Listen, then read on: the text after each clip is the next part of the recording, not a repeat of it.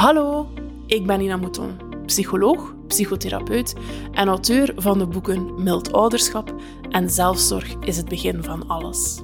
Vandaag wil ik jou twee laagdrempelige tips geven om aan echte zelfzorg te doen in 2024. Welkom. Wat is die echte zelfzorg nu? Voor mij is er een duidelijk verschil tussen me-time en echte zelfzorg. Me-time is tijd voor jezelf nemen, dat is ook super belangrijk, maar echte zelfzorg is voor mij psychologisch. Psychologische zelfkennis, je eigen patronen kennen die je hebt opgebouwd in je opgroeien, in je jeugd, in je jongvolwassenheid, patronen die je hebt bestendigd in je volwassenheid, die je steeds opnieuw herhaalt, en je innerlijke kind zien. Dat innerlijke kind dat we allemaal hebben, dat kwaad kan zijn, dat gekwetst kan zijn, um, dat blij kan zijn. We hebben dat allemaal, dat innerlijke kind, maar we kennen dat vaak niet. We herkennen het vaak niet en we erkennen het vaak niet. We geven het ook vaak niet wat het nodig heeft vanuit een strenge oudermodus die ook in ons hoofd zit en die we ook hebben aangeleerd. Echte zelfzorg is vanuit je volwassenheid kunnen geven wat je innerlijke kind nodig heeft. En daar gaan we vandaag verder op in. We hebben dus allemaal die patronen opgebouwd en die zijn erg hardnekkig. We hebben ofwel veel te veel moeten geven, we hebben ofwel veel te veel moeten aannemen, we hebben veel te veel verantwoordelijkheid moeten dragen, of we hebben te perfectionistisch alle taken moeten volbrengen die ons werden voorgeschoteld als kind. En dat is trauma. Dat is blauwe plekken die we hebben opgelopen in onze jeugd, in onze kindertijd. En we lopen allemaal wel rond met blauwe plekken, die vaak voor veel onrust zorgen in ons leven, omdat die blauwe plekken onbewust zijn en omdat die blauwe plekken zich manifesteren doordat dat um, triggers zijn, doordat we worden getriggerd door andere mensen, door gebeurtenissen, door contexten. Um, hup, en ons blauwe plek wordt geactiveerd en ons innerlijke kind komt in actie. Dat wordt kwaad of dat is gekwetst en we werken dat uit op andere mensen. We werken dat uit in onze relaties, in de relaties die we hebben op het werk, maar ook in onze privé, in ons privéleven tegenover onze partner of tegenover onze kinderen, tegenover onze ouders, tegenover onze vrienden, vriendinnen, broers, zussen. En daarom is zelfzorg niet egoïstisch. Het is zo belangrijk om aan zelfzorg te doen voor jezelf, maar ook voor die relaties die we allemaal hebben en die we allemaal onderhouden. Ook op hen herhalen we die onbewuste patronen. En hoe kunnen we dat nu low-key aanpakken? Dat ga ik nu vertellen. Het zijn echt twee kleine tips om aan echte zelfzorg te doen en, om te beginnen met zelfzorg.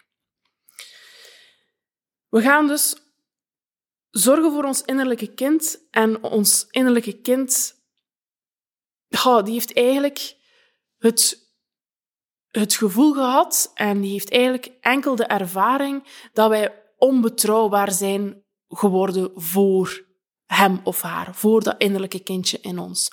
Omdat we zo hard hebben moeten werken voor de liefde van onze ouders, van onze verzorgers.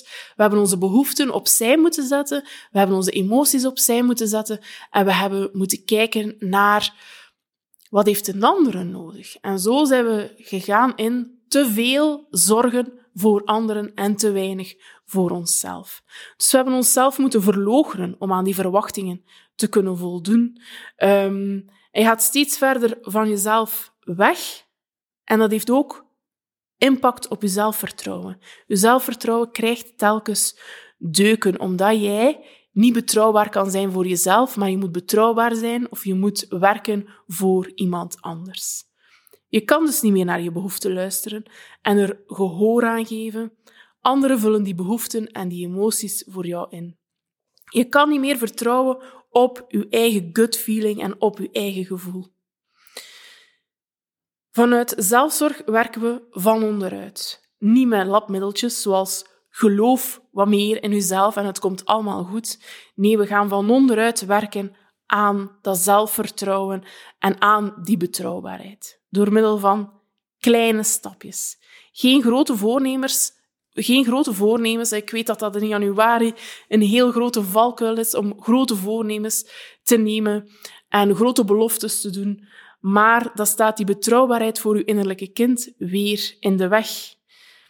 En dan moet je weer van vooraf aan beginnen of krijgt die betrouwbaarheid en die, um, dat zelfvertrouwen weer een deuk. En dan is het weer opnieuw een herhaling van je patroon. De eerste tip is, waar heb jij nood aan? Wat is jouw behoefte? Neem eventjes de tijd om dat in te vullen voor jezelf, om dat te bekijken en dat te voelen. En vul de zin aan, ik heb nood aan meer, puntje, puntje, puntje.